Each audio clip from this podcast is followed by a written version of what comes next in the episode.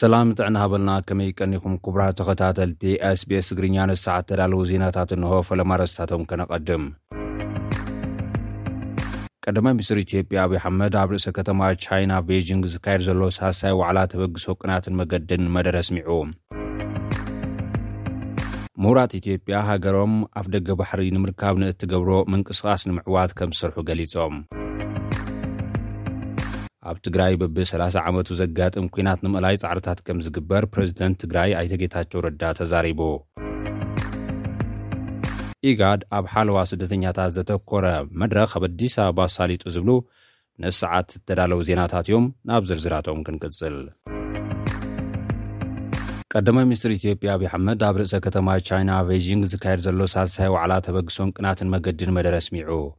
ኣብቲ መደረ ኣብ ቀያዲ ልምዓታዊ ኣጀንዳታት ትኹረት ብምግባር ዘላቒ ሰላምን ልምዓትን ክንረጋግጽ ይግበእና ክብል ተዛሪቡ። ወሲኹ ድማ እቲ ንክልተ ሽሕ ዓመታት ዝሰገረ ብዙሕ ሸነኻት ዘለዎ ዝምድና ኣፍሪካን ቻይናን እናጠናኸረ ይኸይድ ከምዘሎ ጠቒሱ። እቲ ሽርክነት ሓበራዊ ረብሓን ሉኣላውነትን ሃገራት ኣፍሪካን ቻይናን ዘኸብር ከምዝኾነ እውን ኣመልኪቱ። እቲ ሽርክነት ሃገራት ኣፍሪካ ብተበግሶ ቅናትን መገድን ብዝካየድ መሰረተ ልምዓት ኣብ ንሓድሕደን ምስ ቻይናን ንግዳዊ ርክባተን ንምምቻው ከምዘኽኣለን እውን ገሊፁ ኣሎ። ተበግሶ ቅናትን መገድን ኣፍሪካውያን ዕድል ስራሕ ፈጢሩ ናብራ ህዝቢ ክመሓየሽ ከምዝገበረ ዝጠቐሰ እቲ ቀዳማይ ሚኒስትር፣ ኣፍሪካ ኣማራፂ እቶት፣ ክእለትን ቴክኖሎጂን ክትረክብ ከምዝሓገዛ እውን ተዛሪቡ። ብፍላይ ድማ ብተበግሶ ቅናትን መገድን ኣፍሪካ ዝተሰርሑ ህንፀታት መገድታት ባቡርን ኣብ ውሽጢ ሃገርን ወፃእን ኣብ መንጎ ህዝብታት ርክብን ምትእስሳርን ንምምችቻው ከምዘኽኣለ ገሊፁ። በዚ ዓይነት መገዲ መስመር ባቡር ኢትዮ-ጅቡቲ ዕዙዝ ልምዓታዊ ፕሮጀክት ምዃኑ ብምምልካት፣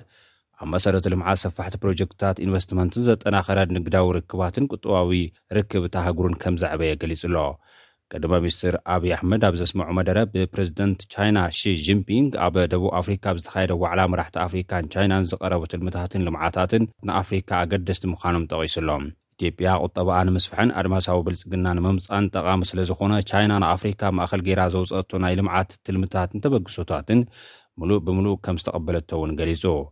ኣፍሪካ ኣብዚ ሕዚ እዋን ዘለዋ ሃብቲ ተፈጥሮ ኣብ ምጥቃም ትኹረት ትገብር ምህላዋ ብምሕባር፣ ኣፍሪካ ኣብ ዓለምለኸ መድረኻት ብግቡእ ክትውከል ከምዘለዋ እውን ተዛሪቡ።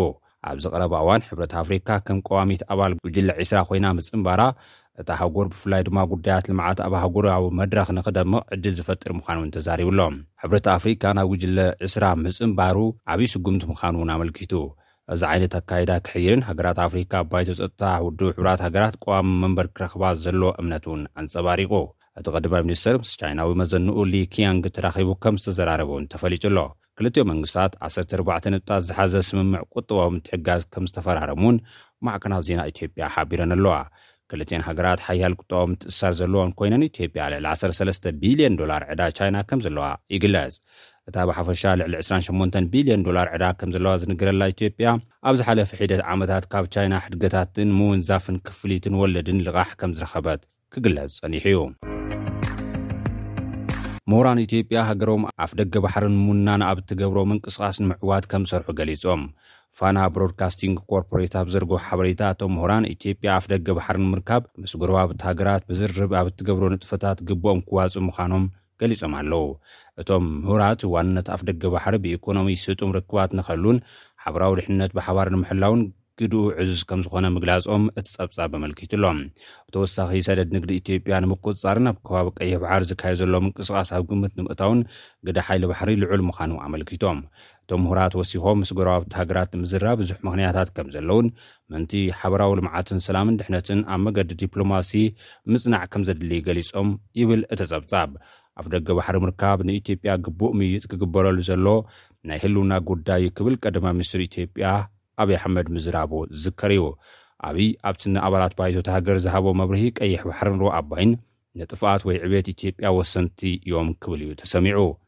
ቅድሚ ሕጂ እውን ብዙሓት ኢትዮጵያውያን ሰበስልጣንን ነበር ምሁራትን ሃገሮም ኣፍደገ ባሕሪ ከም ዝግባእን ወደብ ዓሰብ ናብ ኢትዮጵያ ክትምለስ ከም ዘለዋን ክምጉቱ ምስምዖም ዝፍለጥ ኮይኑ እቲ ኣብ ዘመነ ኢህወደግ ደቂሱ ዝነበረ ጉዳይ ሕዚ ተቐስቂሱ እቲ ቀድማይ ሚኒስትር ብታሪኽ ጂኦግራፍን ዓሌትን መሰረት ኢትዮጵያ ኣብ ቀይሕ ባሕሪ ኣፍደገ ናይ ምርካብ ዘለዋ ቅቡል ሕቶ ዳግማይ ክረእ ኣለዎ ምባሉ ዝፍለጥ እዩ። ድሕሪ ዝረባ ናይቲ ቀዳማይ ሚኒስትር መንግስቲ ኤርትራ ነቲ ካብ ቀረባ ግዜ ኣትሒዙ ብወገን ኢትዮጵያ ክለዓል ዝጸንሐ ንጉዳይ ቀይሕ ባሕርን ወደባትን ዝምልከት ዘረባታትን መግለጽታትን ኣመልኪቱ መልሲ ሂቡ እዩ።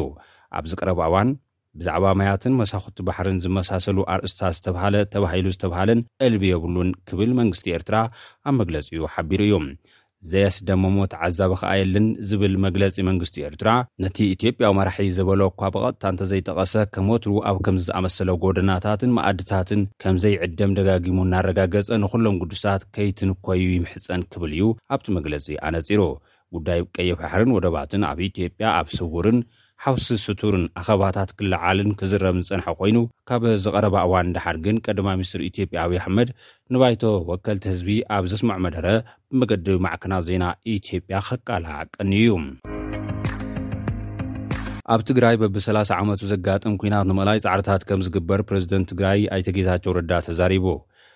እቲ ፕረዚደንት ኣብ መዓልቲ ሕራነ ብሽዱሽተ ጥቅምቲ ክልተ ሽሕን ዓሰርተ ሽዱሽተን ዓመተ ምህረት ኣብ ዘሕለፎ መልእኽቲ፣ በቢ ሰላሳ ዓመቱ ደድሕሬና እናሰዓበ ኣሽሓት እናኽፈለና ኣብ ጸድፊ ጥፍኣት ዘብጸሐና ሸቶላይ ንሓንሳብን ንሓዋርን ክውገድ እንተድኣ ኮይኑ ፖለቲካና ንሓንሳብን ንሓዋርን ክነዕሪ ይግባእ ክብል እዩ ተዛሪቡ።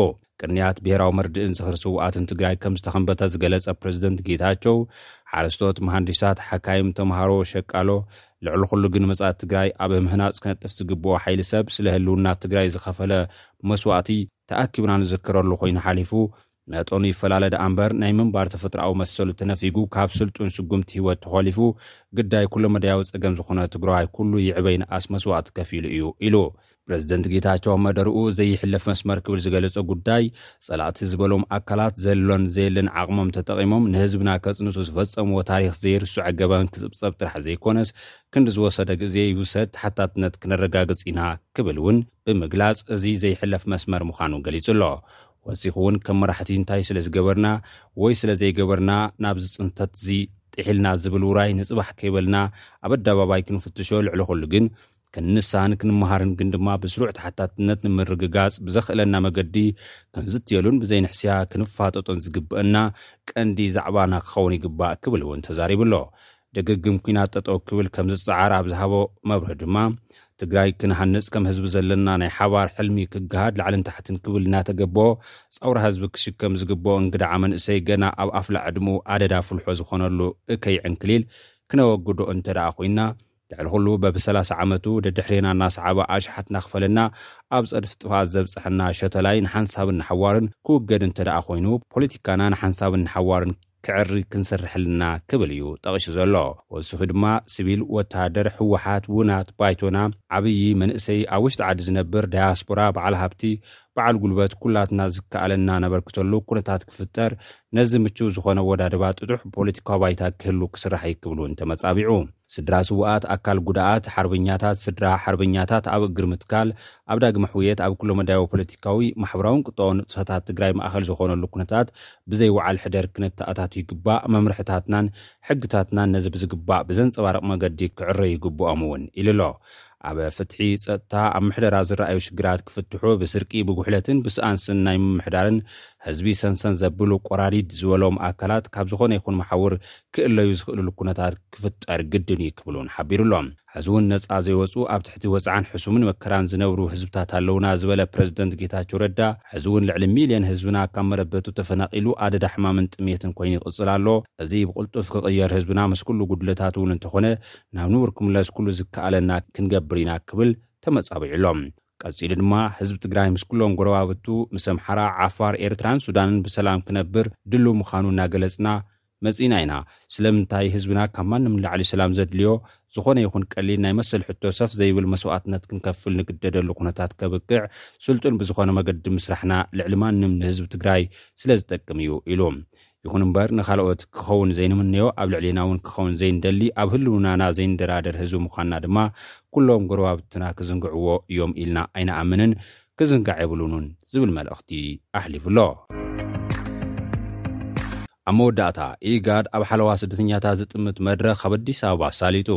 ውዳበ መንግስታት ልምዓት ምብራቕ ኣፍሪካ፣ ኢጋድ፣ ኣብ መንጎ ኣባላት ሃገራት ዘሎ ሓለዋ ስደተኛታት ኣመልኪቱ ኣብ ዘሰናድኦ ሓዱሽ ማዕቐፍ ፖሊሲ ጠሚቱ ኣብ ኣዲስ ኣበባ መዛዘሚ ዘተ ኣካይዱ ኣሎ። ኣብቲ መድረኽ ወከልቲ ኣባላት ሃገራት፣ ተወከልቲ ኮሚሽን ውድብ ሕቡራት መንግስታትን ካልኦት መዳርግቲ ኣካላትን ከምዝተሳተፉ እውን ተገሊፁ ኣሎ። ኣብ መንጎ ኣባላት ሃገራት ቁፅሪ ስደተኛታት ካብ እዋን ናብ እዋን እናወሰኸ ከምዝመፀ ኣብቲ መድረኽ ተላዒሉ ኣሎ። በዚ ድማ ብፖሊስ ዝተሓገዘ ሓዱሽ ኣንፈት መፍትሒ ከምዘድሊ ተኣሚኑሉ። ብምዃኑ ሓዱሽ ማዕቐፍ ፖሊሲ ሓለዋ ስደተኛታት ተሰናዲኡ ንሰለስተ መዓልቲ ዘተ እናተገብረሉ ከምዝፀንሐ እውን ተሓቢሩ ኣሎ። ኣብ ትግበራ እቲ ፖሊሲ ድማ ኣባላት ሃገራት ግደኣን ንኽዋፅኣ ፃውዒት ቀሪቡ ኣሎ። ኣብ ውሽጢ ኣባላት ሃገራት ኢጋድ ልዕሊ ሓሙሽተ ሚሊየን ስደተኛታት ከምዝርከቡ እውን ግልጋሎት ዜና ኢትዮጵያ ዘውፅኦ ፀብፃብ ኣመልኪቱ ኣሎ።